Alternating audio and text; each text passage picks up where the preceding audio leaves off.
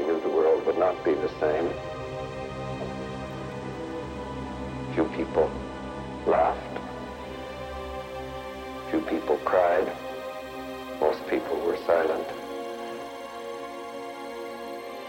I remembered the line from the Hindu scripture, the Bhagavad Gita. Vishnu